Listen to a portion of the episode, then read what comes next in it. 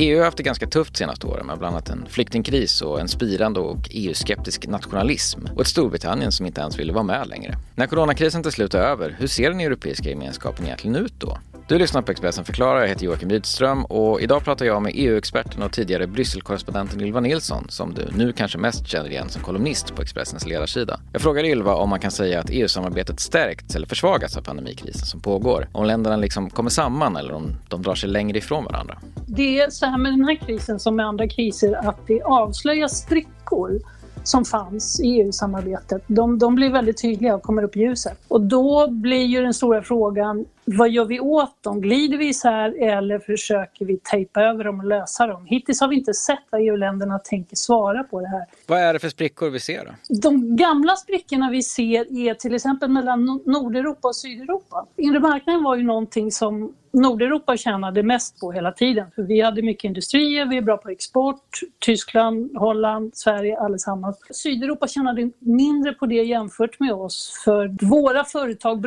liksom brakade in, sålde grejer hos dem, köpte upp deras företag och så vidare. De blev lite underleverantörer till oss. Och här är en spricka nu som, det ligger där någonstans under i det gräl som pågår just, just nu om när vi nu startar om alltihop efter corona, hur ska Sydeuropa ha råd med det? Som har lagt enorma resurser på att försöka rädda människoliv, som redan satt med statsskulder, om de inte får någon sorts hjälp från Nordeuropa med den omstarten. Och då säger Nordeuropa, då får ni skylla er själva, ni skulle ha tänkt på det när det var bättre tider. Det är inte vårt fel att ni sitter med statsskuld, det är inte vårt fel att ni har haft corona. Det där är en spricka och det är någonting negativt. Men om man vänder på det och tänker, vilka länder står ut genom att istället att alltjämt samarbeta bra genom krisen? När krisen först kom, då blev alla väldigt nationella. Då åkte gränsbommarna ner. Man slutade sälja skyddsmasker och respiratorer om man hade sådana i egna landet. Man la beslag på andras. Och det gjorde väl i stort sett alla på ett ganska fult sätt.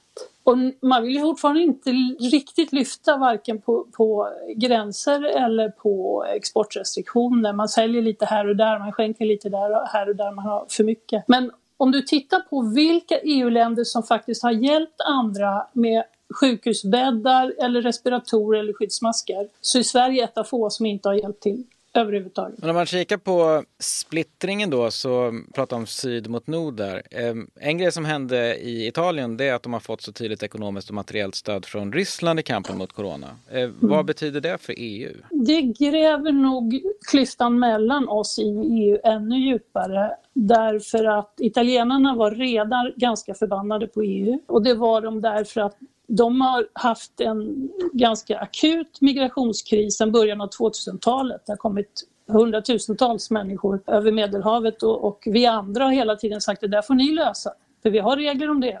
Det första land de kommer till får ta hand om dem. Så italienarna är redan liksom väldigt besvikna över EU över det. Sen är de besvikna över EU över hela den här eurodiskussionen, att de får ingen hjälp när de behöver det. De ska ställa upp på eurokrav men får ingen solidaritet tycker de. Och så kommer coronan och då säger vi ja, ni skulle ha tänkt på att se om ert hus i goda tider. Och lägg till det då att du får hjälp av Ryssland och delvis av Kina också. Ja, men då har du väldigt många italienare som lyssnar på de politiker, populister då, Salvini och Berlusconi och de andra som säger ja men vad är vi med i EU för överhuvudtaget? Vi är bara på förlorande sidan hela tiden och titta vi har ju mer vänner på annat håll. Det fungerar som ett sånt här stilla gift liksom som de droppar i, i blodådrorna och gör det mycket, mycket svårare för EU att komma tillbaks med en lösning som gör att, alltså det måste ju finnas i EU, det handlar ju om pengar väldigt mycket, men det måste finnas en känsla av att vi är en grupp och att vi hjälps åt, att vi gör det här tillsammans. Även om det är av egenintresse så, så måste du ändå ha någon form av den känslan i samarbetet. Annars spelar det ju ingen roll, annars kan du vända dig till Ryssland då tydligen. Ja, för inom EU finns det ju delvis starka motstånd mot just samarbetet då som du är inne på och ambitioner att snarare stärka sin nationella rätt. Ett röststarkt exempel är ju förstås Ungern och Viktor Orbán då. Ehm, mm. Blir krisen en grogrund för hans typ av utbrytarretorik nu? Ja, väldigt mycket så. Och Ungern och Polen har, där, där har du en annan spricka som löper mellan det gamla och det nya Europa, där de hör då till det nya och vi hör till det gamla. För de har utnyttjat pandemin till att ge staten extra makt och befogenheter på ett sätt som är helt obegripligt. Orban hade ju redan innan princip ändrat lagarna så han blev diktator. Och igår deklarerade han att dataskyddsreglerna, EUs, de gäller inte längre i Ungern han deklarerade igår, de gäller inte längre för de är dumma. Så nu eh, sätter vi dem helt enkelt åt sidan tills vidare. Och det gör han totalt ogenerat i sitt i stort sett nedstängda parlament. Och ingen reagerar, ingen säger någonting, det får löpa. Och Polen bestämmer sig för att de ska hålla en presidentval där bara presidenten får kampanja och ingen annan. Oppositionen sitter i liksom confinement allihopa. Och det får också passera utan att någon i EU reagerar. Så det här är också en klyfta som vi måste, vi måste liksom attackera den på något vis. Vi måste bestämma oss för, kan vi tillåta vissa länder att strunta i de regler som de inte tycker är kul. Och kommer vi då inte se väldigt många regler som kan hitta andra regler som de skulle välja att strunta i, vad har vi då kvar av allt sammans? Vad finns det om vi inte har reglerna? Ja, för det är väl också lite grann därför EU egentligen finns. Att det var just för att motverka den här typen av nationella strömningar och samarbeta över gränsen. För att liksom komma ifrån den ganska mörka historien i Europa. Ja, och de här som du säger, eh, Orbans sätt att agera nu och Polens också, det plockas naturligtvis upp av nationalister i Italien som säger, titta om de liksom vackert kan säga att de skiter i den ena och den andra regeln. Varför står vi här och anstränger oss och liksom gör, eh, viker oss dubbla för att klara euroreglerna och så får vi ändå ingen hjälp och så vidare. Så att just nu, vi är, vi är den fasen just nu där sprickorna genom corona har blivit väldigt, väldigt tydliga. Men det är liksom underliggande konflikter som, som vi hela tiden försöker putta undan och skutta över och, och liksom lösa tillfället.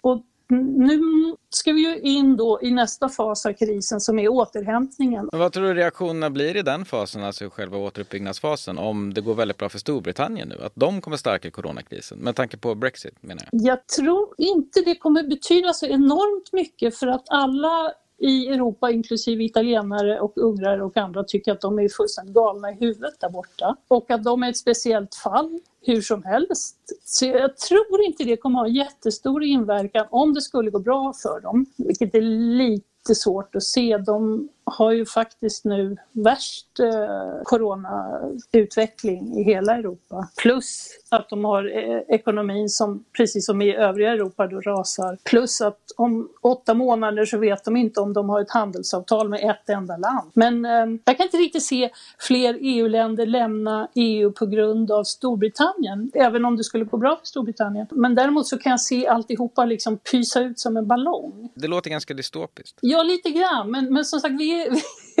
vi, har varit förut när EU har varit i stora kriser så, så hamnar vi först i den där när alla, som jag sa, alla klyftorna uppenbarar sig. Och just då så känner man sig ganska dyster och tänker hur sjutton ska vi komma runt det här? Men sen på något vis så brukar de ju plocka upp allt sammans och damma av sig och eh, falla i varandras armar och sen är vi alla europeer om, om några veckor igen. Vilket EU väntar oss då när krisen faktiskt har lagt sig? Och det är oerhört mycket viktigare nu på grund av att eh, vi varken har USA eller Kina eller Ryssland som vill oss väl. Utan alla vill ju av, av, av, egna skäl att vi, att vi faller sönder. Vi är världens största och rikaste marknad och det ger oss eh, en makt och ett inflytande i resten av världen som de här tre stormakterna tycker är alldeles för överdrivet stort. Och även om vi inte är sig bra på att utnyttja det, för vi käbblar så mycket sinsemellan, så finns det där. Och alla tre, både USA, Kina och Ryssland, ser oss gärna falla sönder. Då, då kan de spela ut mycket mer va, i ett splittrat Europa. Och frågan är, kommer européerna då liksom ha det i åtanke och bestämma sig för vi tar ett tag till och gör det här tillsammans? Eller kommer de inte Ja, det är inte helt säkert. Jag, jag, tror väl trots allt att vi kommer eh, fortsätta. Du har lyssnat på Expressen förklarar, en podd där vi i varje avsnitt fördjupar en aktuell grej i nyhetsflödet. Du kan följa Expressens övriga nyhetsbevakning dygnet runt på Expressen.se, i vår app och i Expressen TV.